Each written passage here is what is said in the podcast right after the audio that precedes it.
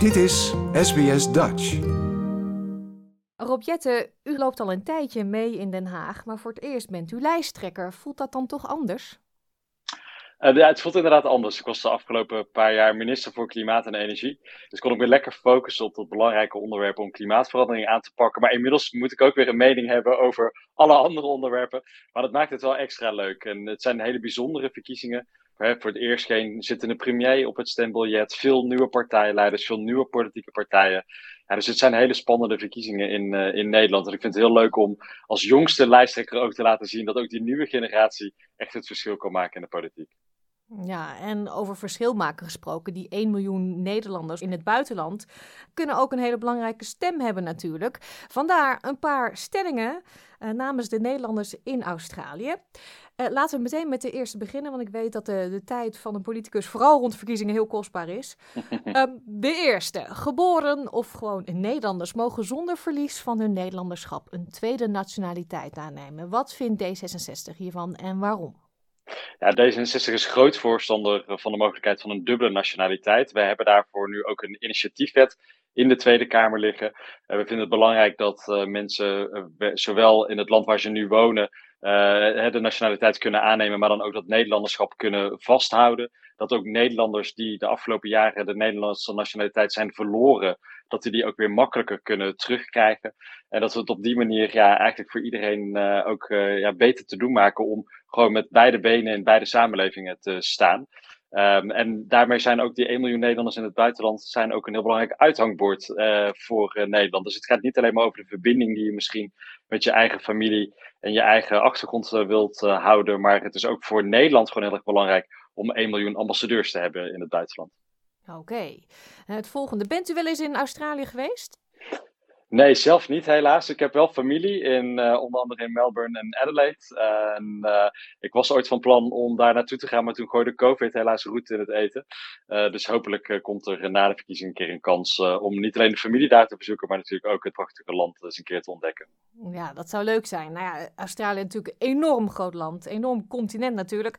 En als je nu je paspoort wil verlengen, zijn er heel veel mensen die uh, heel lang moeten reizen. Vaak naar Sydney toe en dat kost ook nog eens heel veel geld. Dus vandaar de stelling. Voor Nederlanders woonachtig in het buitenland moet zo snel mogelijk een online paspoortbalie worden geopend. Ja, zeer mee eens. Uh, D66 is groot voorstander van goede digitale dienstverlening. Uh, dat je eigenlijk online en met videocalls alles kan aanvragen dat je nodig hebt. En dat dan je uh, ID-bewijzen gewoon naar je toe worden gestuurd. Dat uh, scheelt ontzettend veel reistijd, scheelt kosten. en maakt ook gewoon de serviceverlening veel beter. dat is een belangrijke stap om te zetten. Daarnaast zijn we ook overigens voor bijvoorbeeld het stemmen ook makkelijker te maken. Er zijn natuurlijk naast de consulaire bijstand veel meer zaken die nu ingewikkeld zijn om op afstand te regelen. Maar het digitale tijdperk biedt eigenlijk heel veel kansen om Nederlanders veel beter te bedienen. Nou ja, daar liep u even op de zaken vooruit, want dat was ook een stelling inderdaad. Laten we die dan maar meteen oh, doen. um, bij de volgende verkiezingen moeten Nederlanders die niet in Nederland wonen online kunnen stemmen. Een volmondig ja dus. Ja, absoluut. Stemmen is heel erg belangrijk en uh, dat moet je zo makkelijk mogelijk maken. Maar geen uh, twijfels qua uh, veiligheid en ID-fraude, dat soort dingen? Nou ja, kijk, ik denk dat daar dus juist ook het digitale tijdperk heel veel mogelijkheden biedt om dat goed te organiseren. Met een, een extra verificatiestap of wat dan ook. Je ziet nu dat ook bij afgelopen verkiezingen veel Nederlanders in het buitenland de moeite hebben genomen om zich te registreren en te gaan stemmen. Maar dan door problemen met de post bijvoorbeeld, die stemmen niet tijdig zijn aangekomen. Ja, dat is gewoon ontzettend zonde als mensen de moeite nemen om van hun stemrecht gebruik te maken. Ja, ja. De laatste stelling. Nederlanders in het buitenland hebben het recht om hun Nederlandse bankrekening te behouden. Want ja, soms worden we nu verrast met een eh, briefje van de bank. Uh, sorry, maar je woont in het buitenland. We nemen afscheid. Ook hier een volmondig ja van D66. Eh, want het kan echt ontzettend vervelend zijn als je opeens je bankrekening kwijt bent. Dus we willen echt het recht vastleggen dat als je in het buitenland woont, je ook een Nederlandse bankrekening kan behouden. en nou, hier, ook hier geldt dat we vanuit D66 al meerdere voorstellen in de Tweede Kamer hebben gedaan. Dus hoe groter jullie ons maken bij deze verkiezingen, hoe meer van deze plannen we ook mogelijk kunnen maken. Ah, kijk, daar hoor ik de politicus heel goed. um, nou, dat waren de stellingen. De laatste vraag. Wat gaat D66 in de komende vier jaar specifiek doen voor die Nederlanders in het buitenland? En dat is eigenlijk met andere woorden de vraag: waarom zouden wij op u moeten stemmen?